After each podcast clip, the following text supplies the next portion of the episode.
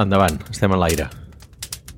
Sí, i com no podria ser d'una altra manera, aquesta setmana, malgrat estem gravant a no, a no fa ni 24 hores de l'event, l'Àlex i jo parlarem de l'event d'Apple.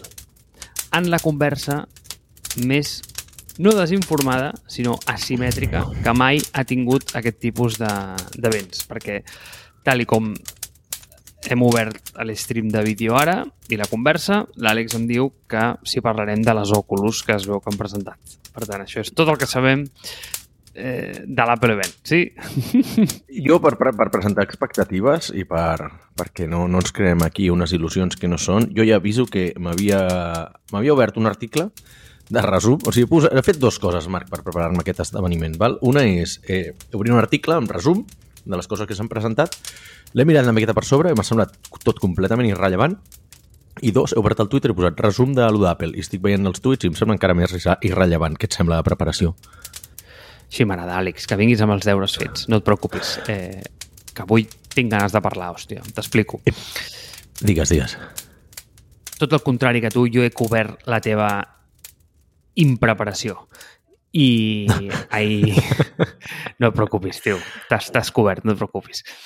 Ahir, evidentment, amb, amb unes bones palometes, em vaig veure la keynote, després la State of the Union, que és la que es fa després per, per més tècnica, per desenvolupadors, i durant el dia d'avui he estat llegint comentari de persones que l'han provat amb, i quan dic l'han, vull dir a l'Oculus de l'Àlex, eh?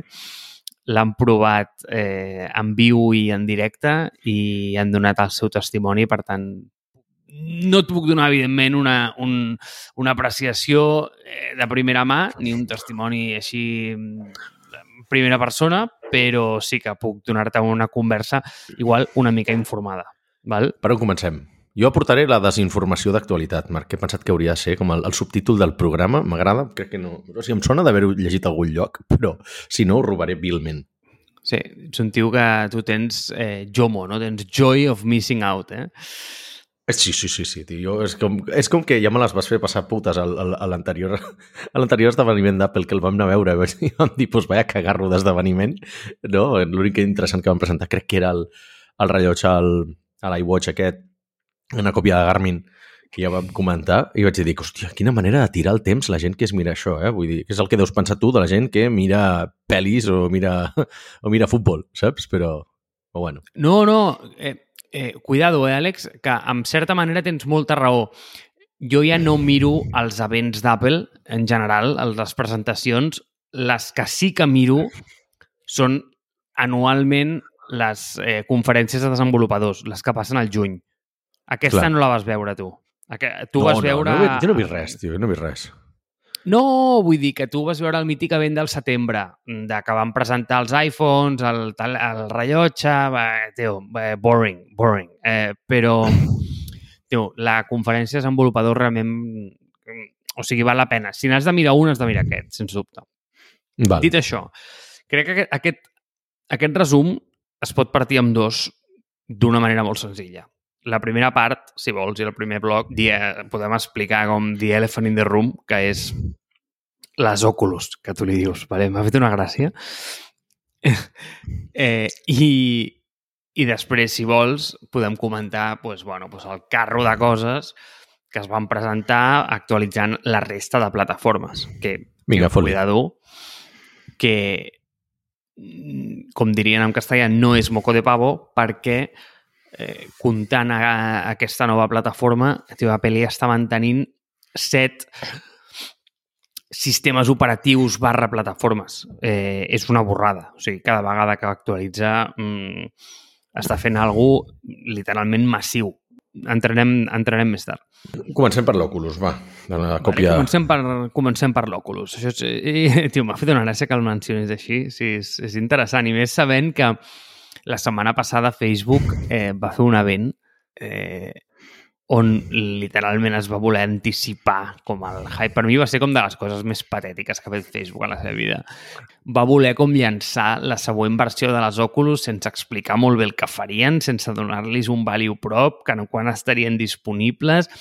ara tenen un pifostio a la línia de producte de no entendre res, eh, és estranyíssim. I Facebook s'encaparra amb, hòstia, amb voler com crear producte vertical quan per la seva naturalesa, vull dir, és una companyia absolutament transversal i horitzontal, que el que s'ha de fer és dedicar a servir quanta més gent i, i oblidar-se eh, i oblidar-se de crear coses. És que per mi és tot el contrari d'Apple, no? O sigui, Apple al final és una companyia que hauria de ser extremadament vertical i s'hauria de, de dedicar prou de serveis, res de fer coses d'aquestes. Això deixem-los a tios que ho saben fer bé com Facebook i, i crear producte vertical com el que ha fet amb el, amb el... És que, a veure, com li direm en català? Eh, Provisió. Mm, això es diu Vision Pro. Eh, li haurem de dir Provisió. Pro, vale? Provisió. Visió provisió. Pro. Vale. Li direm Provisió, vale? Provisió. Li direm, li direm Provisió. Doncs pues el que ha fet en Provisió. De fet, ara, eh, així pensant-ho en alt, és que realment Apple i Facebook són aliats naturals. Eh, al final, un eh, té que construir a sobre de la, de la plataforma que l'altre li proveeix, però sembla com que tio, Facebook tingui com aquest issue de que, tio, de que, de que no ho vulgui acceptar la seva naturalesa d'alguna manera. Però, bueno, en fi, és igual. És per un altre dia. Què m'agrada molt del Provisió? A veure, tio, m'agrada molt perquè és... És que tu et penses que et vindré aquí amb el amb l'aproximació de l'avi de dir, això és una puta merda, ens volen fotre una pantalla a la cara, tot és una basura, la tecnologia la odio, soc Ted Kaczynski, vaig a començar a tirar bombes pel món, ¿vale? No, però vull veure, eh, o sigui, com que hi ha hagut tant de hype perquè feia anys ja que es parlava de les ulleres d'Apple, tot això, després surt Facebook i fot aquella, perdó, eh, aquella puta merda de Second Life virtual que ningú li va comprar, saps, amb el, amb el, amb el metavers i, i ara veia la comparativa dels els vídeos que va presentar Facebook amb aquell Mark Zuckerberg que semblava un personatge del Sims 2, ni tan sols del Sims 2, amb una Torre Eiffel i una Sagrada Família darrere, lamentables, que fas do, en dos minuts amb el Paint, amb el que ha presentat Apple, i dius, home, és que potser havíem d'haver esperat una miqueta més a presentar alguna així, no? Però com ho veus? Vale. Llavors, aquest és històricament el producte menys madur que ha llançat mai Apple. Val? És a dir, recordem i, ostres, jo crec que Apple això sempre ho ha intentat fer bé i és de... Tothom té aquesta idea de que llença els productes tard, jo crec que no, mm, però, per exemple, no. quan va llançar el rellotge, era un producte que, bueno, que, que, que tenies moltes limitacions. Quan va llançar el primer iPhone era un producte que tenia moltes limitacions. És a dir, tu sempre has posat a parir el primer iPhone, eh? Vull dir que sempre has posat... Sí, ei, ei, ei, que, que, que és una obra d'art, eh? Cuidado. Però, però vull dir, a nivell tècnic tenia moltes limitacions. I a més, i si llegeixes la història del producte, veuràs com van tenir que agafar un, un xip especial que a sobre li van fer underclock per prioritzar la bateria, no tenia 3G, tenia una càmera que, bueno, o sigui, era un drama. O sigui, era una cosa que quasi, quasi sí, sí. podies mirar però no tocar. Aquí passa una mica, però encara amb més vitamines. En, encara està més en penyals, no? Eh, per lo bo i per lo dolent. Per lo dolent és, home, pues, mira el preu, val? és a dir, és una cosa que segurament estarà disponible a partir de l'any que ve a 3.500 euros, només, només part, no? comprable, atenció, Àlex, només comprable a botigues físiques americanes, vale? o sigui, és un release molt tancat, eh, em recorda molt el de l'iPhone, i ara em diràs, vinga, va, Marc, comença amb el hate, val? comença com amb, amb, amb l'odi cap a la tecnologia i que ens volen, eh, d'alguna manera, com privar de, de sortir a la muntanya. Vale. Doncs pues mira, Àlex, vinc amb una opinió absolutament inversa. Val? Em sorprèn. I, em sorprèn, sí, però no, ja. em sur no em sorprèn. No em sorprèn perquè lo fàcil era fer això, exactament que comentes, però suposo que ja, vols fer una miqueta... Sé que era, sé que era lo fàcil, però no, no, no, no, és que no vull donar polèmica. O sigui, eh, sé que lo fàcil era venir com amb, amb, amb, amb el d'això, però és que... Eh, o sigui, amb el hate per davant. Però no, tio, és que no el tinc. És que no, no és una postura, eh? Vull dir, no me l'amago. Eh, I t'explico per què. És a dir, aquest producte no és un companion de l'iPhone. És a dir, productes com l'iPhone ja no n'hi haurà mai més cap a la història. És a dir, un producte amb la transversalitat i amb l'impacte que ha tingut eh, el telèfon mòbil, això ja no existirà mai més. Llavors, ara Apple a què s'ha dedicat a fer? Pues, a mesura que han anat passant, ha anat fent serveis i ha anat traient productes que l'acompanyen. És a dir, els AirPods, l'Apple Watch, Allò, i, aquests clar. són productes que en si mateixos, ostres, mm, són eh, negocis que qui els voldria, però no són més que un accessori que el que fan és que fortaleixen el concepte de l'iPhone no? i l'enriqueixen més encara. Vale. Mm -hmm. Aquest, no. Això no és un companion de l'iPhone. Això, per mi, en el meu cap, eh? En el meu cap. I ho pots parlar amb qui vulguis, això sí que és una opinió. És el futur del Mac. Uh, A on vaig? fuertes declaraciones, eh? Vinga. Per mi són fortíssimes. Cosa número 1. Si et fixes bé, s'han pres la llicència de llançar un producte que està en penyals en aquest sentit, tecnològicament, és a dir, ei, que va amb una bateria penjada, eh? Que Ja, portes una és- bateria com, com Això- un bolset. És zero Apple, eh? Això és zero Apple. Clar, clar, però, Steve Jobs però, però, però, donant voltes a la, a la, a la seva tomba, eh? Clar, però això em refereixo, eh? Vull dir que, ei, que han donat un pas enrere amb Polimenta i han dit, ei, llancem-ho ja. Anem a aprendre d'això i, i, i anem a veure com collons ho fan servir, no? Però aquesta és la primera, que a nivell de polidesa li falta, li falta. Però si et fixes, en les imatges que publiquen i els vídeos que ensenyen de demo, en cap moment, en cap moment, Àlex, es veu una persona outdoors. En cap moment. Sempre és un dispositiu que està pensat per fer-se servir amb un techo, és a dir, dintre de Però casa. és que no, no hauries de poder-ho fer servir outdoors. Vull dir, no és com la Google Glass, que al final és, era transparent i et permetia fer quatre merdes amb una resolució microscòpica. Eh, eh, Això causa accidents, tio. Clar, però fixa't, fixa't, quin és l'únic producte d'Apple que està destinat a fer-se servir indoors sempre en casa. Sí, el Mac, clar, el Mac. Exacte, exacte. Després I- diré que l'iPad, eh, perquè la majoria de gent el té per, per, per, perquè els crios puguin jugar i veure sèries. Eh, no, no, no, es, no es tragina gaire l'iPad tampoc, però bueno. Ja, però Sí. ja m'entens. És a dir, per mi, Sí, sí. els dispositius Fixa. que estan disposats a fer-se servir com a estacionaris, generalment, i, i amb independència del developer que viu a Bali a sota una palmera, eh? però es fan servir indoors, generalment. Val? Llavors, aquest és un producte i una de les demos que han fet que a mi, ostres, eh, és un cas d'ús que tu em dius Marc, però tu això t'ho posaries o no? Ja, llavors tu has de pensar, el Marc, això, tio, no s'ho posaria en la puta vida. Llavors jo també et diria, home, si tinc el que vaig veure ahir de la visió espacial de tenir com tres monitors un davant de l'altre amb una pantalla infinita, parlem-ne, parlem-ne, val? Però vull dir, tots els casos d'ús que han donat van de la mà sempre d'un un computador estacionari i coses molt similars al Mac o un, un, un televisor infinit. Coses curioses, també, i jo et vaig tirant idees perquè tu em vagis dient, eh? És que, a gran diferència de les teves estimades Oculus, aquí el modo default és realitat augmentada, no realitat virtual. És a dir, és un producte que per defecte funciona amb realitat augmentada, que també fa realitat virtual. I es veu, i he escoltat, que hi ha una demo que posen d'estar sentat a primera línia en un partit de l'NBA que no pots entendre absolutament res. Vale? O sigui, que realment et creus que estàs allà. Llavors, per, per mi això també seria un cas d'ús claríssim. O sigui, el poder-te transportar allà on tu volguessis en un event molt, molt particular, per exemple, o, o en un escenari molt, molt, molt idíl·lic, no? Eh, és a dir, jo veig on totes les coses on l'humà està estacionari i està presenciant alguna activitat, crec que és un cas d'ús espectacular. Eh, I ara et poso un exemple tonto, no? Pues jo què sé, eh, jugar al Gran Turismo en una, a, a nivell de gaming. Hòstia, ha de ser brutal amb això, ha de ser espectacular.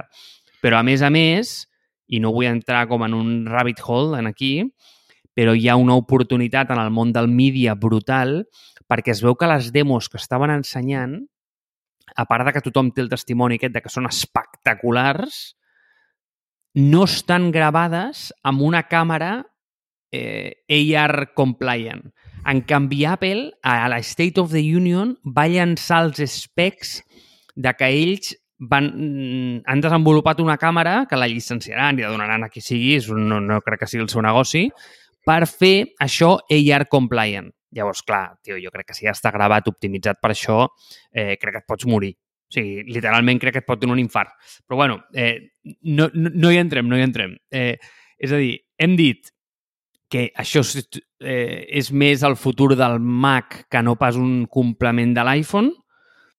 Per tant, possiblement sigui com eh, el, el pas següent a, a la computació. Molt interessant que mai acunyen el terme realitat augmentada, malgrat és el mode per defecte, sinó spatial computing, és a dir, computació espaial, li diuen. Bueno, no, no hi ha menció en cap moment de, de AR i de la mateixa manera que la venda ahir, i com molt bé vam predir a l'episodi anterior, no hi ha ni una menció de intel·ligència artificial en tot la vent, cosa que és molt interessant. Però d'això en parlem després. Val, val, val. És que és una, una, de, una de les assignatures pendents aquesta. A mi el que em sorprèn és que... Bueno, no, no em sorprèn... És que tinc la impressió que amb aquest producte Apple s'ha deixat emportar per l'opinió pública. Val? Sí i no. M'explico. Hi ha hagut dos grans coses que el públic desitja d'una manera fervent d'Apple, o desitjava, perquè una ja li han donat, que són les putes ulleres aquestes, no? Tot i que no crec que siguin l'equivalent... No, és que no ho sé, tio, no sé si són l'equivalent del Google Glass o no, saps? És el que dius tu, són per estar a casa, no són per portar por ahí. Jo crec que la revolució de les ulleres hauria de passar perquè tu te les posis per anar pel puto carrer, te les posis per conduir, te les posis per jugar a esport eh, o per, per, jo què sé, per estar a la piscina, per fer el que sigui, no? Perquè et donin superpoders. Han de ser les putes ulleres de bola de drac, aquelles que et calculen el nivell d'energia de l'enemic i que posi it's over 9,000, saps? Que puguis fer aquesta cosa. Quan puguis fer això i literalment et doni superpoders, com un telèfon que et dona superpoders, el superpoder de, eh, de saber les direccions on has d'anar, el superpoder de poder parlar amb la gent la que vulguis i amb la de capturar els moments que, que necessitis o de traduir converses de manera simultània, doncs eh, el mateix hauria de passar amb les putes ulleres. Fins aleshores serà un complement de gaming per mi. Però l'altra cosa que Apple eh, doncs, ha fet bé en no ficar-s'hi, però el públic li porta milions d'anys demanant, és el tema cotxes, que com tu vas dir, Apple el que ha fet és fer el puto software, no? la, la, la, la, la, la plataforma, i, i en aquest sentit posar-se posar, -se, per allà, però no per no convertir-se en un negoci d'operacions brutal i de logística que saben, mm, qui millor que Tim Cook, saben que no els hi sortiria mai d'una manera eh, amb, amb beneficis, no? els sortiria completament deficitari i els els hi canviaria radicalment l'empresa. Però trobo, d'alguna manera, que les ulleres s'han rendit els, de, els, els designis del públic no perquè realment ells necessitessin les putes ulleres. Tu creus que Apple necessita una, aquest tipus d'ulleres? Jo no ho crec, tio. O sigui, no veig, no li veig cap tipus de sentit a aquest tema, a menys que sàpiguen coses que no sàpiguem nosaltres, que té a veure amb el tema de el que no has volgut tocar tu, que és intel·ligència artificial. És a dir, els dispositius amb teclats no tenen puto sentit. Val? O una pantalla limitada no tenen puto sentit. Anem a fer una cosa completament trencadora. Creiem que això és o el següent, estadi, el següent estadi evolutiu del Mac o un pas transitori cap a la següent cosa que sí, realment serà la innovació i creiem que passa per fer aquest, aquest experiment molt loco, molt trencador, en el que ens desliguem del hardware actual, comencem a pensar outside of the box i pensem que el futur de la computació o del treball personal passa per aquí. Però no ho sé, tio. Um, estic fent volar coloms i, i, i estic molt convençut de les coses que estic dient, però És que no, no, no, li, no li veig sentit, tampoc li veig sentit a nivell de timing, no? Perquè és una cosa que el carro de la, de la realitat augmentada, la realitat virtual, va passar fa temps. Google i Meta doncs, ja han fet les seves merdes en aquest sentit i s'han fotut tremendes hòsties. Eh, fa molts anys que Oculus pulula per allà Eh, I tots recordem el llançament de Google Cardboard. és un dels moments més mítics de la història de tecnologia, per mi. Però, eh, què vull dir amb això? Que no sé a, a, a cuento de què mm, toca ara treure unes ulleres, tio. O sigui, no li veig el, no li veig el timing, no li veig el mercat. O sigui, potser durant la pandèmia hauria tingut sentit, saps? Treure una cosa així. Però ara, saps? Hòstia, no ho sé, saps? Veig una crisi. És que no, no, no, no, no, no ho entenc, tio. No entenc la motivació ni el timing per treure aquest tipus de producte. No entenc el voler-se voler fotre en aquest merder. Clar, a veure, tio, evidentment jo no tinc la resposta d'això, eh? Però... I, i, Collons, i possiblement tingui un viatge eh, retrospectiu gran i ara vulgui justificar el que ha fet Apple en funció del que jo penso que pot anar al futur. Però fixa't bé, fixa't bé, perquè ha dit coses molt interessants. És a dir, per un cantó, tu em dius, l'endgame d'això són les ulleres del Google Glass. Vale? O sigui, t'ho compro. Però això està 10 years away. O sigui, això ara mm, no és sí, sí. ni possible, ni feasible, res. O sigui, res, està llunyíssim. Vale? Llavors, clar, per altra banda, també tens un altre camí. I, i, i veuràs que aquests dos camins que et pintaré ara convergeixen en algun punt. Eh? Tens un altre camí, que és el de vale? eh, tinc una plataforma que es diu Mac, que el seu cicle de desenvolupament no et diré que està esgotat, però sí que s'ha aplanat totalment, és a dir, hem arribat en un factor forma en el que ja no venc nous ordinadors pel que estic traient, sinó per, pel rate de replacement, sense més. És a dir, la indústria està establerta amb el que tu dius, no, Àlex? Vull dir, una pantalla i un teclat i tots ho entenem, val? Llavors, igual està aquesta idea de dir, clar, és que eh, tu, tu has de pensar que Apple al final del dia, sí, o sigui, té el millor producte de la història, que és l'iPhone, però és com qualsevol altra companyia, ha de pensar com, seguir, com seguir endavant, no? I, I diu, vale, molt bé, quina és la plataforma que ara tenim que està més estancada o d'alguna manera té menys capacitat per evolucionar? Home, doncs igual és el Mac. Llavors dius, tio, què hi ha després d'ell? Doncs, pues, bueno, igual està aquesta idea, perquè és que si et fixes, tots els casos d'ús que donen són molt semblants als d'un Mac. És a dir, la persona està sentada davant d'una taula, està sentada en un avió, davant d'un sofà... És a dir, porten com aquesta computació a, a un espai totalment obert i espaiat, no? Llavors, clar, a què, a què em refereixo amb això? Doncs pues que igual el següent pas del Mac és aquest eh, i la nostra manera d'interactuar amb una computadora és aquest, perquè si et fixes bé, quan tu estàs fent una trucada de Zoom, què estàs fent? O, o, o, o és a dir, o què estàs fent 10 hores del teu dia? T'has sentat, literalment sentat, davant d'una pantalla. Llavors, si jo ara t'agafo i aquesta pantalla te la porto a davant de la cara en lloc d'un metre de distància, Eh, o sigui, igual, o sigui, potencialment l'experiència pot ser molt millor, eh? però vull dir, l'experiència que tu estàs tenint, el, el, el mode de treball és exactament el mateix. Estàs fent una immersió en un contingut sobre una pantalla que ara resulta que tenim la tecnologia perquè estigui a un metro i sigui una matriu de píxels eh, absolutament plana. Però ara imagina't que és una cosa tal i com l'han pintat en aquí. Clar, jo això ho veig com literalment com, com un pas natural, no? Llavors, on anava amb què s'uneix amb l'altre camí? I em dius, home, però és que jo l'endgame el veig sent les Google Glass. I, I llavors jo et contesto, ja, ja, clar, però això està 10 anys lluny i ens hem d'acostar allà a poc a poc. Home, llavors igual la manera és buscar un camí alternatiu mentre, que es diu Futur del Mac, que també és molt viable, que m'acostarà a poc a poc en aquell camí, també podré ser el primer en arribar-hi. És a dir, les coses aquestes que estan com mig polides el que fan és que empuixen el progrés, i això és una realitat. Llavors, li veig sentit, o sigui, li veig sentit, Àlex, li veig sentit. Eh.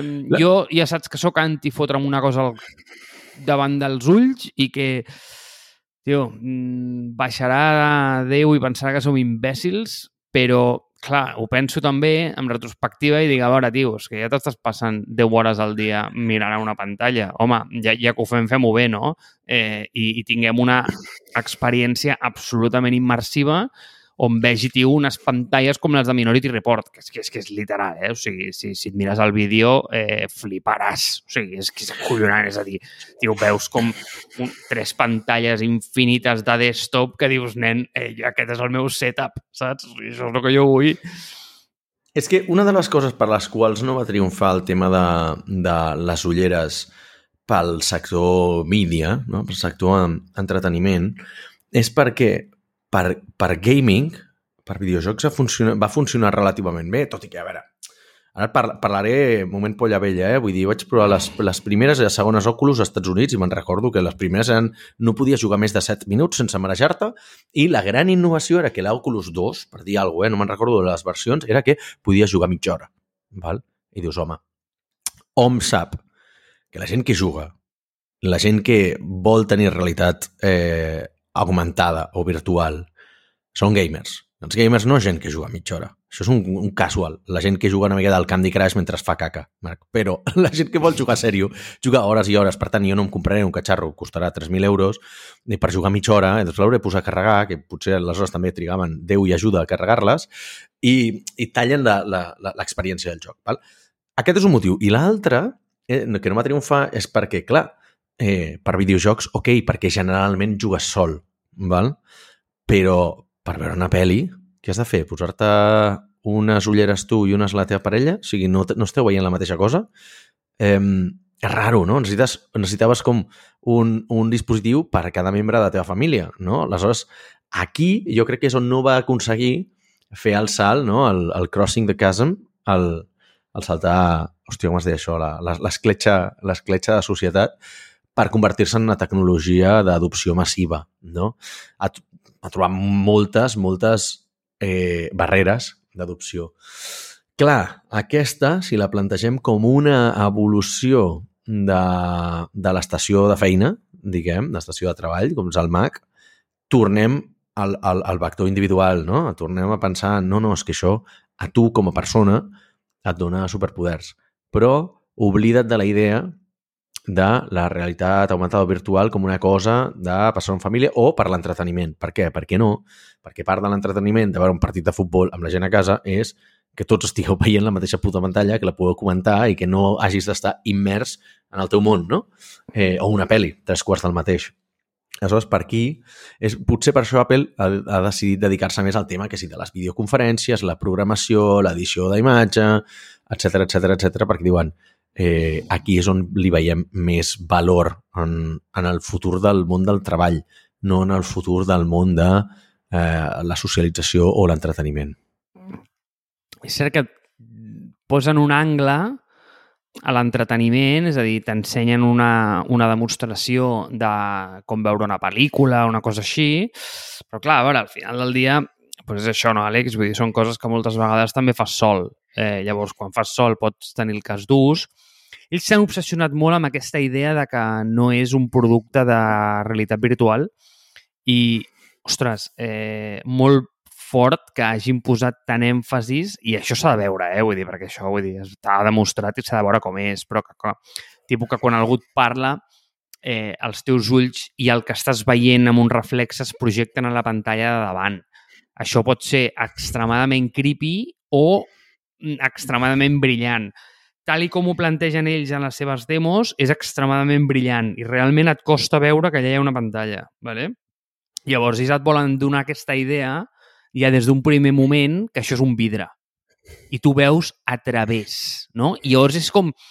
Que, és que ho penses des d'un punt de vista filosòfic i dius, ostres, és el primer dispositiu que tu veus a través del qual, que no estàs mirant a saps? És a dir, de, a nivell de producte et canvia una mica la idea, no? Perquè, clar, tu sempre estàs dissenyant coses a les quals estàs mirant i estàs Però Google Glass també era així, no? Google Glass també miraves sí, a través. Que, és, que, és que per mi Google Glass, Àlex, és el que et dic. Vull dir, és, és l'endgame, però eh, ja. és com si és com si te'n vas a veure un prototip d'un cotxe, em dius, vale, molt bé, sortirà dintre de 20 anys, quan estarà? I don't know. Eh, clar, Google Glass per Bé. mi era el mateix, és a dir, l'he borrat de la meva memòria de producte per, per això, perquè sí, està molt bé com a demo, però, però, és, que, però, però és que no està nowhere to be seen, o sigui, no, no ha funcionat, Sí, sí. llavors no, no me sirve, saps? Eh, però com a nivell de producte sí que és sèrie. No, no, i t'ho compro, eh? Google Glass igual, però és un producte al qual no mires, sinó que mires a través de... I, i hòstia, això em sembla com... Hòstia, em sembla brillant, tio, em sembla superinteressant. Eh, Però i- un petit incís, és que això que estàs dient és com el que em recordo... Si ara... Clar, jo no tinc cotxe des de fa 8 anys, però, però una cosa que em va flipar bastant, ara que vaig estar als Estats Units, va- vaig, vaig llogar un, un cotxe, no me'n- recordo que vaig llogar, tio, eh, per fer un road trip, ¿vale? eh, BMW X5, ¿vale? i tenia pantalla, o sigui, la majoria dels controls venien per la pantalla, o sigui, pel... Què collons pantalla? No, no, no, pel puto vidre, saps? Vull dir, tu veies a través, però veies el GPS, el veies pintat al vidre. I dic, per aquí ha de ser... Per mi això és un clar ús, eh, de, un clar cas de et dona superpoders. O sigui, totes aquestes tecnologies jo ho redueixo a et donen superpoders o no, saps? Si no, és que no les vull, jo no les compraré, saps? Quins superpoders em donen les, totes les coses que estic utilitzant ara mateix, no? Un Mac està claríssim, no? Però ja només, per exemple, els AirPods o, el, o els altres cascos que tinc aquí per, per treballar, em donen el superpoder de la cancel·lació de, de soroll. Per mi això és una cosa per la qual pagaria. Saps? Em millora molt la vida, substancialment. És qualitat de vida, és salut, és concentració, per tant, és millor feina, etc etc. Quan val? No és un preu excessiu. Si hagués de pagar 5.000 euros per tenir uns eh, auriculars amb cancel·lació de soroll, potser m'ho pensaria, em diria, no pago jo això. Ara, per 200 euros o per 100 i pico en tens, i tens cancel·lació relativament bona, val? Per tant, hòstia, eh, val la pena. He de... Quan has de pagar per aquest dispositiu d'Apple i quins superpoders et donen, no? Mm, és tot això el que està posat a la balança. Clar, a veure, sobre el punt del teu cotxe, eh, perquè tinguis una conversa informada després amb altres eh, personatges automobilístics, el que vas experimentar eh, de BMW en concret es diu Heads Up Display, val? és una funcionalitat que ells posen en els quals sí que és cert que et projecten certa informació en el vidre, no? Eh, però, clar, això no qualifica de realitat augmentada perquè la definició de manual de realitat augmentada és que el contingut s'adapta a la realitat. Correcte. I això- Ja, ja, ja, ja. ja. Eh, et compro Sí, que és una projecció, però Però no em serveix. és- O sigui, ja, és, és dummy, Ja- saps? ja, ja és bo. O sigui, no et cal arribar... Si ets purista, no tindries això. I és molt millor tenir una cosa que no compleix amb la teoria, però que et dona molt valor versus una eh, una cosa que compleix amb la teoria que no t'aporta ningú valor. És el que diem sempre de tecnologia buscant un problema a resoldre, no? En aquest cas ho han pogut resoldre sense arribar a dir que és realitat augmentada. Per tant, fantàstic. No, no ha calgut anar a pagar per una tecnologia que no et feia falta, no? Mm, És el que diem, el 90% dels problemes que es poden resoldre amb blockchain es poden resoldre amb una puta base de dades, no? Doncs ja està. Doncs aquí és un clar cas. Sí, però també poso un segon asterisc al teu problema i és que a sobre de que el contingut és totalment dummy, clar, quina és una de les limitacions de les Google Glass? És a dir, per què és un producte que no va veure la llum? Li faltaven dues coses, bàsicament. Li faltava eh, bateria i la capacitat de tenir una connexió 24-7, no? Llavors, clar... no? I una altra, que- una altra. qui- I no semblar un autèntic gilipolles. Vull dir, perquè és que Vale. el factor disseny, en portar unes ulleres és molt important, perquè tampoc han triomfat les de Snapchat, és que et fan... se- Sembles imbècil quan les portes, saps? Hòstia, o sigui, al final és un, és un, és un dispositiu de, de moda. O sigui, una de les coses per les quals va triomfar els AirPods és perquè, hòstia, et feien, et donaven... Bueno, no els AirPods, perdó, els cascos d'Apple, que eren els primers cascos que... Els cascos, no, els auriculars, collons, que eren blancs. I li donaven com un cert estil, val? Hòstia, doncs aquest glamour no l'han aconseguit amb les, amb les ulleres de realitat augmentada virtual. Clar, però és que, Àlex, tio, a veure, o sigui, amb, amb cuidado, eh? Amb cuidado, perquè ara et donaré com la contra del teu punt. És a dir, aquest producte de per si genera hate, vale? Posar-te algú davant dels ulls, eh, malament anem, vale? Malament anem. Mm -hmm. Ens podem cobrir moltes coses a la vida, eh? eh? Perquè històricament ens cobrim els collonets per anar a la platja, ens cobrim la boca quan hi ha una pandèmia i ens posem uns taps a les orelles, això no, però els ulls, it's another story. Què passa? Fixa't que per mi la cagada de les Google Glass era amb tres nivells, com tu has dit, no? No estava allà sí. ni en termes de bateria, ni en termes mm, bueno, de tecnologia, connectivitat, pantalla eh, en general, i la tercera és que l'han posicionat outdoors. Aquest producte no és social in inherentment. És a dir, totes les demos que mostren, on estàs? Sol i a casa. Totes. Totes. I en l'únic moment en què apareixen dues persones juntes és per ensenyar-te la funcionalitat de que quan algú et parla tens la capacitat d'entrar en aquest mode de transparència i dir-li, ei, t'estic mirant. Vale? Llavors, eh, és vale, curiós. Però, però espera, això tu creus que és pels cicles de producte d'Apple? Perquè si, si el llancen ara és perquè el van produir durant l'any anterior i el van dissenyar fa dos o tres anys, no? O es va prototipar fa tres anys, es va dissenyar fa dos, el van produir l'any passat i ara estan llançant, no? Més o menys números molt incorrectes, molt aproximats, eh, molt exagerats, possiblement, però Apple no treu una cosa que ha dissenyat fa sis mesos, ni tan sols fa 12. Val? Ni tan sols 18, m'atreviria a dir. Tu creus que això és producte de pandèmia? És que em, em sembla pregunta molt tonta, eh? Em fa vergonya preguntar-la. Però... Mmm, no ho sé, tio. Àlex, afortunadament Tio, m'ho preguntes a mi i sí, sobre això tinc una resposta. No perquè treballi a Cupertino, però perquè és una informació que s'ha filtrat. Aquest projecte en concret es va començar a Apple a l'any 2014. La puta d'oros. Vale. Internament es va començar a cuinar el 2014 i, com tu bé dius, té un cicle de llançament eh, que, és, que és alt. Però, però, però és això, no? És a dir, Àlex, tio, el, el producte final és el que tu dius. Ei, és una Google Glass. I com més lleugera, millor. Però dius, bueno, ara no estem allà. Vale, què podem fer? Bueno, doncs de moment eh, et tanquem a casa, et fotem una bateria penjada com un bolset, se't passaran les ganes de sortir, limitem i posem restriccions, o sigui, aquests constraints al cas d'ús, anem a dir que això és una plataforma que va a buscar què hi ha després del Mac i, per altra banda, mm -hmm. si algun dia aquest endgame s'ha solventat, et podré donar unes ulleretes que fan el mateix i a sobre les podràs portar pel carrer perquè socialment això serà bastant més acceptable.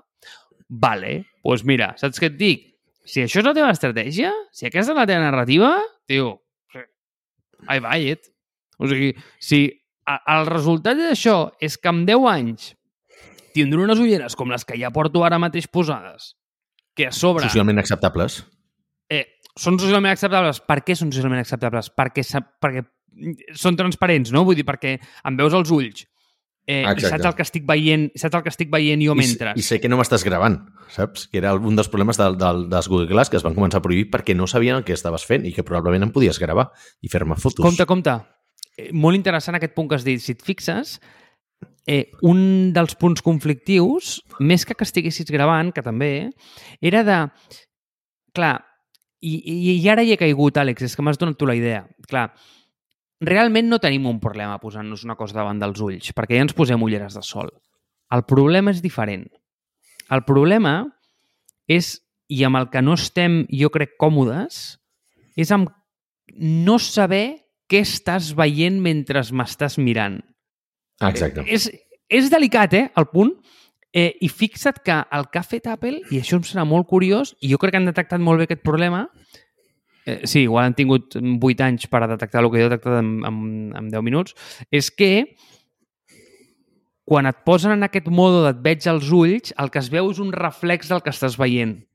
Com si estiguessis mirant a través d'un vidre. És molt curiós, és molt curiós. Però bueno, en fi, Eh, està no, no, però això, això que dius és molt, és molt interessant. O sigui, tu fixa't que, per exemple, quan vas a un lloc, o sigui, no et resulta encara violent anar a un, no sé, a demanar-te el cafè a algun lloc, portes els AirPods i no te'ls treus. Val? Encara que posis el modo transparència, saps? No te'ls treus, però l'altra persona no ho sap que no te'ls has tret. I aleshores et miren com em sent o no em sent, saps? Et parlen més fort i, i, i no sé, aquell gest que fas per posar-te al mode de transparència pot donar a pensar que et vas a treure els auriculars, però no te'ls treus, no? Eh, I jo crec que aquí és la, o sigui, la simetria informativa de la persona que està a l'altra banda, que està pensant, i aquest cabron, què estarà fent no? amb aquestes ulleres? Vull dir, què està escoltant? O sigui, m'està sentint? Té música mentre m'està demanant el cafè? M'està escoltant? Està fent una trucada? Li puc parlar? No li puc parlar? Què vol que faci? Saps? És incòmode. Fins a cert punt és de mala educació, saps? Jo, de fet, intento treure'm sempre els auriculars quan vaig als llocs, per donar a entendre encara, encara que no... O sigui, ja dic, jo els porto molts cops per anar pel carrer per la cancel·lació de soroll. O sigui, per no haver sentit puto tràfic. Però si entro a demanar un cafè i no sé què, és veritat que me'ls trec com per donar a pensar a l'altra persona ei, t'estic escoltant. Val? Aleshores, clar, amb les ulleres, com ho faries això, saps? Vull dir... És que, Àlex, tio, el teu punt és... Eh, la teva analogia és brillant. La teva analogia és brillant. És que jo, a, quan entro, per exemple, mira, et posaré la mítica, perquè això em passa cada dos per tres. Jo, igual que tu, visc amb els AirPods posats. Bueno, tu no ho sé, jo sí, però literalment sí, sí. posats, eh? Mm, jo crec que podria passar durant el dia més hores amb els AirPods posats que trets, però és igual. Eh, no, no, no, no vull fer el número perquè no em vull assustar. Llavors, què és el que passa? Quan això succeeix, eh, jo em dono compte que estic allà en el meu món. Llavors, hi han dos moments que per mi són ultracrítics, però ultracrítics i ja he agafat la costum de treure'ls per dir, tio, és que és exactament el que tu has dit. Mira, quan pujo cap a casa, evidentment els porto posats, perquè també vaig amb cancel·lació de soroll perquè estic hasta els ous dels anticotxes. Quan entro a fer un recado al súper o el que sigui i no tinc que interactuar amb ningú més que, per exemple, amb un caixer o una caixera del supermercat, jo és que em sento super incòmode si els porto. És a dir, eh, li estic transmetent una falta de, com d'educació, no? I, i l'altre és, aquí, a, i, i tu has dit la paraula, eh? és una falta d'educació. Eh, una manca absoluta. I l'altra és, quan estic aquí a l'oficina amb molta gent i vaig a la cafetera a buscar cafè o a, o a l'aigua a posar-me aigua, no em trec els AirPods. Però si hi ha algú al costat i et diu alguna cosa, òbviament, tu parles amb la gent, és normal, eh, hòstia, no treure-te'ls a mi em genera una situació super incòmoda, però super incòmoda. Sí, Llavors, sí, sí, sí. Eh... És que és, és allò de... Perquè et generarà aquella, aquella, aquella situació incòmoda de que et parlen però no saben si parlar t'ho diran dos cops perquè no saben si estàs escoltant una miqueta com quan eh, t'acomiades d'algú i vas en la mateixa direcció després. I això genera aquelles situacions socials incòmodes. Per això dic que per mi el, el, el, el secret, en part, és una cosa de disseny, però en part també és una cosa de funcionalitat i d'acceptació social. I per mi no hi ha acceptació social si sé que allò... O sigui, no a mi, a mi, mira, a mi ja m'és igual, jo ja sé que sóc bastant paranoic, jo ja sé que m'espien i em graven i tot això, vull dir, tots ho sabem, saps? en, en major o, mesur, o, o, o, o, o menor mesura, això està passant. I la gent que no li agradi això, doncs, amics i amigues meves, porteu un telèfon a, a les vostres butxaques, saps?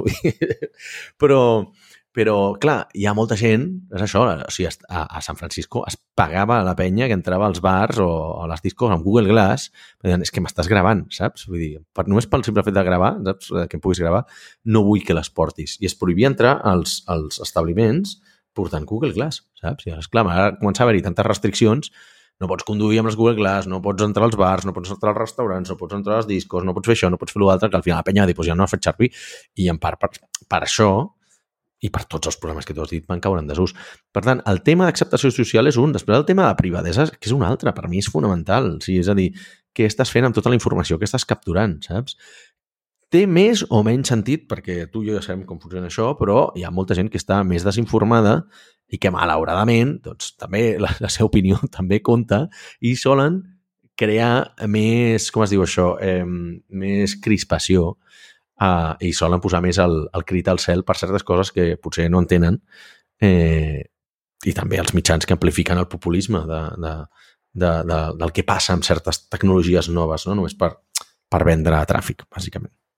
Jo estic 100% amb tu, eh? i més, eh, ja et dic, això és magnifica el punt aquest de no saber què està fent l'altra persona o què té a les orelles o als ulls l'altra persona i crec que Apple ha posat com molt èmfasis en, eh, en aquest punt. Mm, ja et dic, eh, per fer un resum i per anar-lo tancant aquest, aquest bloc de, de la visió, ei, em sembla que és com Apple fent el que millor sap fer, que és hardware.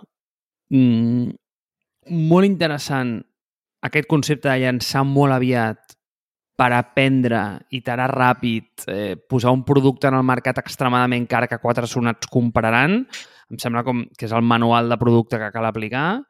Interessant el fet de que no es mencioni el concepte de realitat augmentada, sinó que es vulguin no inventar, però, però sí com eh, entrar en la narrativa d'aquesta computació espaial.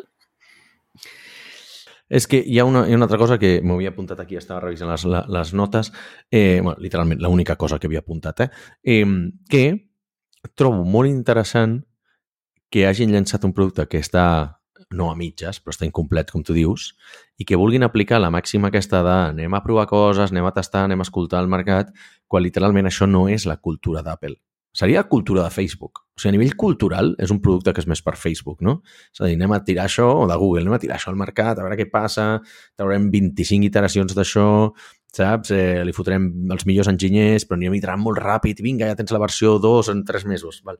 Però Apple no és així. Cicles de producte són molt més llargs, eh, tenen els acabats molt més fins, són prototips molt més cars, no són merdes de plàstic com el que treu Google, ni, ni coses també a mig fer com les que treu Facebook, sinó que són productes extremadament cars i per, pro, per treure un prototip, perquè és més un prototip que res, així al mercat, em sembla un prototip molt car i Apple no té la cultura aquesta d'aprendre ràpid i iterar i pivotar. Això, per això que culturalment l'he trobat molt estrany jo aquest. Pues, mira, Àlex... No estàs d'acord. No, no estic d'acord. I fixa't, eh? et posaré un exemple. Eh? El que passa és que crec que ho fa en un nivell diferent. M'explico, m'explico. Clar, iterar amb software és molt senzill, perquè si no et funciona, hòstia, el tires tot sencer i fas una altra cosa diferent. Però clar, quan tu poses un producte madur com aquest, és difícil iterar el hardware. O, és a dir, el que estàs intentant iterar o validar o polir o millorar és la proposta de valor. I et posaré un exemple claríssim, però claríssim on ho van fer per mi molt bé. El primer Apple Watch no estava sí. per llançar. No estava per llançar, però va sortir i fixa't, eh? Value props que tenia llavors. Notificacions. On costava? Espera un segon perquè crec que no vas bé per aquí, eh? Mira, eh? I, i, i només, creu-me que aquest to només l'adopto quan estic molt convençut de les coses. Van posar èmfasis en... Sé molt amb mi. notificacions, qualitat de materials. Hi havia una edició d'or que valia 22.000 dòlars. Val, sí. Van posar èmfasis amb el, time, amb, el ta, amb el timekeeping, és a dir, amb la precisió de l'hora que havies de tenir. En tenir aplicacions rellotge, tios, directament. No Clar. I què s'han donat compte? De que totes aquestes a la gent li importaven una merda. I només hi havia una que importa i és amb la que estan iterant ara com a autèntics sonats i estan fent un double down amb això de la hòstia. Salut, salut. Eh, si mires el que han presentat per l'Apple Watch a nivell de salut en aquesta i en l'anterior, és una bogeria. O sigui, volen fer com literalment un feature parity amb un puto Garmin. O sigui, és acollonant, no? O sigui, coses que jo mai a la vida em pensaria que haguéssim pogut llançar eh, veient la primera iteració. I l'altra, i l'altra, perdó, Àlex, perdó, però et tornaré a dir que t'equivoques una altra vegada, va ser, per exemple, amb l'iPhone. La... Però, clar, ho feien des d'un altre nivell. És a dir, tio, l'iPhone, quan va sortir, què van dir? Ei, i és la mítica presentació de Steve Jobs que, eh, que sortia. I, i mira, i aquest moment me l'he vist tantes vegades que me'l connecta a memòria. Tio, van dir que era, primera cosa, un iPod Sí, amb, sí, sí, tant i tant amb touchscreen display, vale? Bueno, la gent es va posar que es va tornar boja. Tio, aplaudiments a l'audiència, una bogeria. Un, la segona, un telèfon. Bueno, ja, tio, eh, el món eh, explotava. I la tercera, que va passar així com por lo bajini, diu, eh, Breakthrough Internet Communication Device. I la gent va dir, sí. ah, ah, muy bien, muy bien, muy sí, bien, sí. muy bien. Un browsing device, exacte. Sí, sí, vale, sí. què és l'iPhone? Tio, és el tercer. O sigui, no és un telèfon, no és un iPod, perquè bueno. pots considerar que ho fas amb streaming. Bàsicament, és un Breakthrough Internet Communication Device. No deia sí, browser, sí. eh? No deia browser, en cap moment. Ells van posar tot sobre la taula, però llavors ho van anar tancant a poc a poc. Pues jo crec que és el mateix, tio. Ells han tirat sobre la taula i han dit, tio, a veure, i Tio, eh, a veure com collons utilitza la gent. Òbviament, l'endgame no serà, mm, no sé, eh, una plantilla del peu. No, no serà això. Serà unes ulleres, segurament. I si això no funciona, les agafaran i les fotran a la basura. Però crec que el concepte iterarà. Crec. I molt. I molt. És la meva idea. Però, en fi, aquí Vale. sí que puc estar equivocat. Vale. Passem al software, bueno, les, altres, les altres coses o què? Yes! Va, que tinc Vinga. ganes. Què tens? A veure, aquí sí que, mm, i t'ho dic, eh? jo seré més breu. Per què? Perquè és que a nivell de funcionalitats cada cop més em dono compte de que sóc l'avi. Aquí sí que sóc l'avi. Aquí sí que entra l'avi, eh? Atenció, aquí entra l'avi. Vinga. Perquè, hòstia, eh, em fa molta mandra que em desimplifiquin la UI, ¿vale? I Hmm. cada cop això s'està desimplificant més i quin és el problema? El problema és que jo tinc necessitats, ¿vale? o problemes molt concrets. Llavors, jo tinc una llista, que si vols te la puc compartir, és com aquella de la gent que m'influeix, que són petites coses que em molesten del Mac. ¿vale? La porto fent des de fa molt temps. I a cada, a cada lloc poso com la release en el qual s'ha s'ha llançat. ¿vale? És a dir, et dic, mira, doncs, tio, jo què sé, tenir el teu propi domini a iCloud. Doncs això, tio, doncs es va fer doncs, a iOS 15. Vinga, perfecte, check. I llavors poso a iOS 15, check. I ja està, no? Llavors, tinc com eh, mil coses eh, que em molesten realment i poso com en quin moment s'han llançat. En aquesta me n'han marcat 5. Clar, on he de mirar per fer això? Clar, això no ho miro a, les, eh, a, a lo que expliquen a la keynote, perquè el que expliquen a la keynote generalment m'importa una merda. Tu el que m'agrada-. Eh, clar, ah, i Àlex, tio, saps que des d'iOS 16 ja no ho fan? Abans hi havia una cosa que quan tu t'anaves a la preview hi havia una pestanyeta al costat que deia veure totes les funcionalitats. I hi havia un product manager que es dedicava a escriure-les totes i cada una amb bullet points a sota del, de la funcionalitat que era. Era boig, era una bogeria, vale? allò, allò era una bogeria. Però ho feien a cada release. Bueno, ho han deixat de fer, vale? però Eh, bueno, doncs simplement jo m'he anat a la documentació i m'ho he llegit. Si vols, et dic que, que jo crec que és més fàcil quines són algunes d'aquestes i com m'han ajudat. Vale, tipus? Vale, donaré els punts. Però abans faré una cosa. Et donaré els meus plus, plus, plus de la vent i els meus minus, minus de la vent, d'acord? És, és a dir, el m'ha agradat, no m'ha agradat, bàsicament. Sí, e- exacte. I després passaré a les coses que m'han molestat. M'ha agradat, no hi ha ni una paraula d'AI eh, en lloc en tota la keynote. Mira, no sé si m'ha agradat o no, però almenys, tio, ets genuí, maig. Aire fresc. No, però saps què? Trau, trauran... No, perquè hi haurà un, una, una conferència dedicada a això. O sigui, jo, no, jo no compro el relat de que Apple no li interessa la llei. I menys quan tenen... Perquè tampoc hi ha hagut cap menció a Siri, no? Recordo? No has, eh, tio, no, no, no has seguit, no has seguit. El que passa és que fan servir altres paraules, no? Pues, eh, li diuen machine learning, on-device intelligence, etc, Clar. etc, etc. Han evitat la paraula. Han volgut evitar qualsevol al·lusió o referència. Volen demostrar que tenen la seva narrativa i res de la indústria pot fer-los canviar el roadmap, saps? Però, bueno, en fi, és igual. Eh? Crec que és Vale. més un tema eh, cosmètic que una altra cosa. L'altra cosa és que m'agrada molt que realment qui està innovant a nivell de UI és el rellotge, sens dubte, eh? Sens dubte. Si tu veus com la UI que estan emputxant pel rellotge i com això moltes vegades fa trickle down, és a dir, que cau cap a baix, Sí. cap a altres plataformes, realment on estan fent els experiments és amb l'Apple Watch. I, ostres, si mires la UI que han emputxat per l'Apple Watch d'aquesta versió, és espectacular. O sigui, és... Eh, bueno, més que espectacular, Finalment. és molt novedosa. És, és, és, eh, és molt curiosa, no? Eh, això, mm, per mi són plus plus. Té un minus minus i algunes coses que no m'estan agradant gens, eh, Àlex. La primera és cada cop tens més plataformes per actualitzar. Són set. És una borrada, ¿vale? És una borrada. Eh, L'altra és que el fet de que hi hagis o estiguis eh, fent l'enforcement del feature parity amb tot està fent que alguns productes com el Mac, jo penso, estiguin perdent en molta de la simplicitat que tenien. És a dir, tio, hi ha un boatload de features de la hòstia. L'altra cosa és que a mi em fa molta por el que significa... És que Apple se les vol donar de social i no ho és. Vale? Llavors, jo això ho deixaria per uns altres. Però hi van haver-hi moltes funcionalitats que et donen contingut que learns from you, suggestions for you, personalized content, o sigui, se les donen d'acabar aprenent de tu. Llavors, jo et diré una cosa, tio, una companyia que no és capaç de clavar els bàsics, com Apple, que no és capaç de convidar-me a un event de calendari quan m'envien en el mail, literalment que no és capaç de matar els específics. O sigui, jo no me les donaria de que són capaços de recomanar res de valor a ningú. Sincerament, eh? Sincerament. Jo crec que Apple amb aquest tema és nefasta. Eh, amb, amb aquest engine de recomanacions, ja et dic, eh? Vull dir, no tinc ni la més mínima confiança i al contrari, o sigui, em fa molta por, perquè l'únic que ha fet històricament en el meu track record és cagar-la. Vale?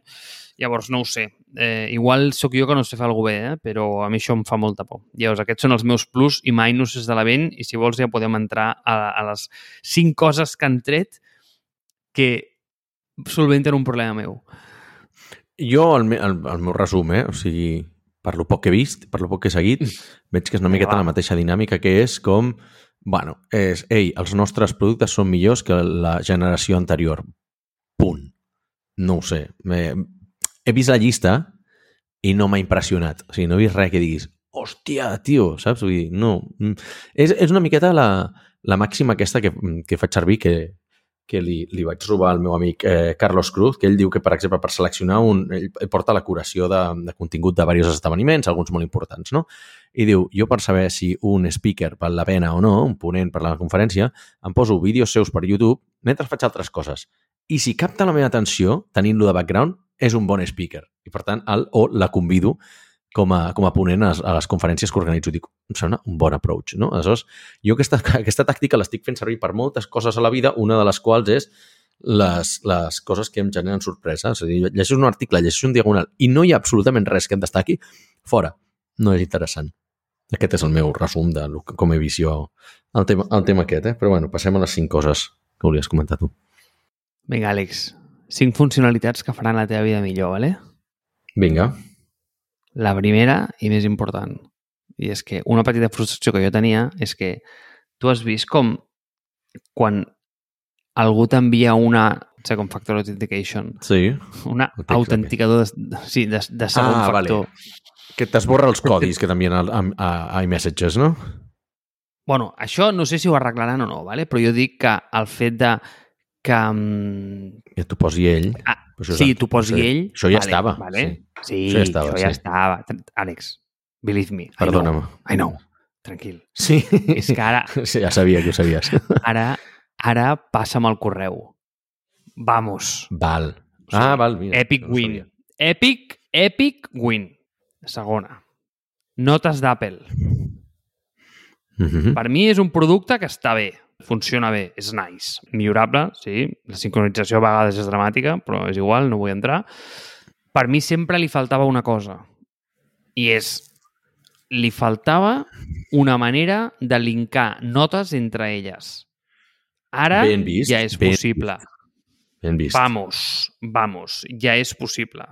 Segona victòria per la Keynote. Tercera victòria. Hòstia, aquesta és la millor de totes, eh, Àlex? Però la millor, eh? La millor. La millor. Digues. Hi havia una cosa que per mi era, de veritat, eh? Que la hagués fet servir absolutament cada dia de la meva vida. I és fer un mute dels AirPods des dels AirPods. Val, sí, clar. Clar, clar, clar, clar. I no ho tenia. Ara serà possible. I ara, ara, collons. ja era hora. Per què? Perquè això no només et permetrà anar a pixar eh, amb els AirPods posats, Correcte. sinó que... Sense tocar el mòbil. Els podies portar, però Exacte, havies de tocar el exacte. mòbil per posar-los en silenci. No, o, o el Mac, o el Mac. Clar, clar, és, molt pitjor. A mi, a mi, a, a mi aquesta causística molesta amb el Mac, generalment. Eh, perquè, clar, quin Sí. és el cas d'ús? Per què això em molestava? I aquí vaig a la meva quarta funcionalitat que han posat amb els AirPods. I és que una de les coses que jo patia més és la de... Jo sortia de l'ordinador i saps que em moc molt quan, quan treballo i m'anava a buscar aigua. Llavors, què passava? Que em, em, per poder parlar jo no em mutejava. Però clar, llavors, a l'hora de posar-te l'aigua i tal, fots un merder de soroll a la cuina de la hòstia, no? Sí, exacte. Llavors això la gent ho sent. Llavors, clar, per mi era una putada, doncs ja està, not anymore, ¿vale? l'altra cosa. I Eh, ah, bueno, i en aquestes, Àlex, que sàpigues que han posat eh, o han afegit modes als AirPods i han millorat, just el que tu dius, eh, aquestes funcionalitats socials, hi ha un, un mode de, de cancel·lació adaptativa que el que fa és que, eh, és molt curiós, eh, deixa filtrar la veu quan veu que tu parles. És molt curiós això i està molt ben pensat. Si realment funciona, és brutal. Vale? Fins aquí la quarta. I Mm -hmm. la cinquena, també frustració històrica meva, que és la de editar PDFs directament des de la vista prèvia amb facilitat. Han ficat un editor de PDFs directament eh, en allà fully featured.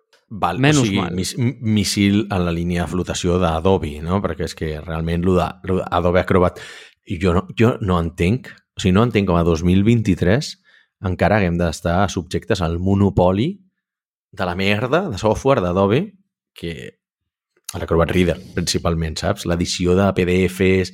O sigui, com, en- com encara és un puto estàndard de mercat aquesta basura de, de, de format d'arxiu que, que a sobre ells volen cobrar-te per això, per, per, per editar aquest tipus d'arxius. Hòstia, tio, pot ser que ningú els hagi dis- disruptat. O sigui, Apple hauria de matar el PDF, bàsicament. Però bueno, això ja... Doncs, Àlex, a part d'un intent, a veure què tal és, eh? Vull dir, això ja ho veurem, eh, de matar el PDF, eh, fins aquí les meves 5, llavors a la meva llista tinc moltes altres coses, però és que no, no, no les han... Eh, no les han treballat. Et posaré un parell d'exemples. I, I aquí vaig una mica Fes una llista amb de la que... compra. Fes, fes, fes la llista de, dels reis. Què, què li demanaries a Apple per la següent per la, per la següent eh, release de coses? Quins són els altres Vale. vale. pain points que t'haurien de solventar? Vols una molt tonta? Vols una molt tonta? Mira, una molt tonta. Bueno. O sigui, Digues. però que dius, a veure, que entenc per què no ho fan, eh? però dius, a veure, tio, o sigui, és puto sentit comú. O sigui, jo quan t'escric un missatge, Àlex, no ho faig per iMessages, ho faig per WhatsApp. En sèrio, Apple, ets incapaç de recordar que jo quan escric un missatge vull dir per WhatsApp a l'Àlex, que és amb qui em comunico? És per això que tinc tanta por el tema de learns from you, is personalized. Tio, una puta merda. Si no ets capaç de recordar-me que a l'Àlex li escric per WhatsApp, com collons m'has de suggerir Exacte. quin contingut de fotos eh, vull veure ara? O sigui, que són gilipolles o què? O sigui, Sí, aquesta sí, és la sí. primera. T'ho compro. La segona és, jo tinc un domini connectat a iCloud. En sèrio ets incapaç de posar-me els events de calendari d'aquest domini al, al calendari? És absolutament incapaç de gestionar-ho? Tant costa? Doncs pues no, no es pot fer. És surreal. Hi ha uns trets de Reddit quilomètrics de gent que està frustrada amb aquest tema. L'altra cosa, que dius, quina tonteria, no pots tenir una manera fàcil de compartir un arxiu des del Finder que diguis, tio, copia'm un link d'això i envia'm-ho a tal persona. S'ha de fer 70.000 passos diferents i ara Sí. ho han ficat amb l'última I va actualització molt de 16. malament. Va Oh, molt malament Oh, perquè quan és, has Oh. de crear el, el, el, el sharing link aquest, eh, es queda penjat el diàleg aquell, no saps realment si l'ha creat o no, vull dir, al cap d'una estona t'apareix, és zero. Sí, sí, aquella part és terrible, tio, és molt dolorosa, eh? O sigui, la part de la, de la compartició d'arxius, jo no la faig servir precisament per això, perquè és que realment jo crec que volen dinamitar-la ells mateixos perquè la gent no la faci servir, saps? Per estalviar-se problemes. Però dic, hòstia, doncs això, doncs treu-la directament. O sigui, igual que Apple, no sé, ara que ho corregim a tu, perquè, perquè jo no... O sigui, jo fa 10, 10 9 anys que tinc, que tinc eh, Mac OS, no tinc ni idea, però diria que Apple mai ha tingut el cortar de Windows, no? Vull dir, sempre ha tingut, com a molt, ha tingut el copiar, però no ha tingut el cortar perquè era, doncs, bueno, tens un... Tens, eh, copies el lloc o com a molt fas un, fan un move, però el concepte cortar no està, no? Doncs el mateix, el, doncs treu-lo, treu el puto compartir del menú contextual de, del botó dret, bàsicament, saps? Vull dir, clarament no el vols tenir, treu-lo, elimina'l, la gent es queixarà, no, perquè és que ja va tan malament que no el fa servir ni Cristo. Eh, ningú, ningú el trobarà a faltar, saps? Si funciona i el treus, la cagues. Però si no funciona, ningú el fa servir, pots treure directament. Treu-ho, perquè és que et fa... No sé, fa més mal que res. És que és, és horrible, tio. O sigui, realment és molt dolenta aquesta funcionalitat. La compro, compro 100% aquesta, eh? Va, Àlex, et puc donar una funcionalitat eh, que va llançar a l'època dels dinosaures i, i funciona si fas comando X és cortar amb Mac. Sí. Però per arxius? Per arxius, eh? No, no, jo dic per arxius al Finder. No, no. Ah, vale, no, vale, clar, vale, vale, sí. vale, vale. Jo dic arxius al Finder. Clar, és que tu, tu segurament no has fet servir mai un Windows, Però allò que... Sí, tens també la manera de fer-ho. Es fa de la següent manera. O sigui, si tu vols copiar una cosa en Mac, efectivament, com el que tu dius, fas comando C, comando V. Sí. Molt bé, llavors amb això què fas? Amb això estàs movent, estàs copiant un arxiu d'un lloc a l'altre. Vale? No, tu dius, no, jo això no ho vull. Jo vull agafar-lo i que passi a l'altra banda i que desaparegui de l'altra. Sí. Sense haver d'arrastrar. La putada és que pots fer-ho arrastrant. Ja ho sé, ja m'he tornat a avançar, digues. Ja t'has tornat a avançar! Es pot fer, vale? és molt fàcil. Simplement has de fer el següent. Vale? Segueix la meva recepta. Vinga, Comando C, igual, còpies, d'acord? sí. I quan vas enganxar-lo, en lloc de fer comando V, fas opció comando V. I això I llavors, cortar. Vale, aleshores ja, ja, ja, hem, ja, hem après, ja hem après alguna cosa. Tot i així, clar, els que venim de Windows, com no, tu el que vols és veure desaparèixer aquell puto arxiu d'allà que se't posi. No, no, no copiar-lo i que després et desaparegui. Però bueno, això ja, Ja, és la ja, formació ja. professional de, de massa anys. Però sí, sí, és veritat que hi ha com certes... A, a mi m'agraden aquestes petites, eh, petites millores, eh? La de l'iMessage que dius tu, la de el, el doble factor d'autenticació, és una cosa molt tonta, però en realitat et millora molt la qualitat de vida, igual que el, fe el reconeixement de Face ID pel telèfon, hòstia, jo crec que són grans avenços. Ara em sembla que havien anunciat que de, de, dintre d'iMessage t'anirà eliminant els missatges aquests de codi de, do, de, de doble del factor de doble autenticació, saps? Vull dir, hòstia, doncs està bé, t'ho fa de manera automàgica, perquè tu no te n'hagis de preocupar. Són petites millores de qualitat de vida. A mi eh, arriba un punt en què ja m'agraden més aquestes que les grans features, saps? perquè les grans features ja veig que no hi ha ninguna que m'acabi de convèncer. Però bueno, moment polla vella eh, del dia. No, però 100% eh, igual. O sigui, ja et dic, vull dir, a mi de les grans, mira, si vols te les llisto, però és que per això vés a la pàgina d'Apple que també estan. Eh, I ja et dic, cap d'elles era demanada, perquè saps què passa? Que és com tota bona mentalitat de producte. Al final, Àlex, com funciona això, tio? O sigui, producte com l'has de treure? Has de fer el que tu vols i empujar-ho al món? Home, no. És, estàs fent una, una necessitat no creada. Tu el que tens són problemes i vols gent que te'l resolgui, no? Llavors, jo tinc la meva llisteta de coses i sé que això són els meus problemes del dia a dia del Mac. Eh, ajuda'm i, i, i, i bueno, pues, mm, ajuda'm a fer-los millor. Llavors, eh, dona'm un motiu per actualitzar, no? Però, en fi, Per tant, què li demanaràs tu a la, a la propera a la propera gran actualització de- d'Apple? Mira, és d'aquells moments que et diria, m'agrada que em facis aquesta pregunta, perquè a més, la meva resposta està tan en línia amb aquest podcast que no entendràs absolutament res. Vale. Si jo tinc una frustració personal amb Mac, és que el corrector de català no funciona sota el concepte aquest d'automàtic, perquè els diccionaris importats, i sí, senyors i senyors, a dia d'avui encara, el 2023, el Mac no té suport natiu per català, val? et tens que importar el diccionari, però el problema és que llavors, cada vegada, cada vegada que vols escriure en català, et marca com que les coses no estan ben corregides perquè tu tens el concepte automàtic i l'automàtic fa correcció de les que suporta nativament, que són l'espanyol i l'anglès. Val? Llavors, quin problema tens? És que has de canviar l'input d'entrada. I ara saltarà la gent i dirà això és molt fàcil de fer, has de canviar l'input d'entrada i es fa amb el teclat amb la, amb el, aguantant la tecla de, de, del globo. No. Això el que fa és que canvia el text input, és a dir, el mapeig del teclat, però no canvia, no canvia el corrector. Llavors, si algú li demano a Apple, primer lloc és que suporti el català sota automàtic, però en vista de que això està bastant lluny de que passi, o no sé si algun dia passarà, si us plau que dongui una tec o sigui, un shortcut de teclat a poder canviar la llengua de l'autocorrector i posar el català. I jo li demanaria un altre per tancar aquí l'episodi, que és que ens categoritzin el podcast com a podcast en català, eh, que tenen aquesta secció ben maca, Apple Podcast, i nosaltres no hi sortim. Vull dir, gràcies per haver-nos posat a tota Espanya, però no sé jo si a la gent que no parla català a la resta d'Espanya li ha importat molt una merda el nostre podcast, ja que teniu una secció de, de podcast en català, estaria bé que ens poséssiu allà.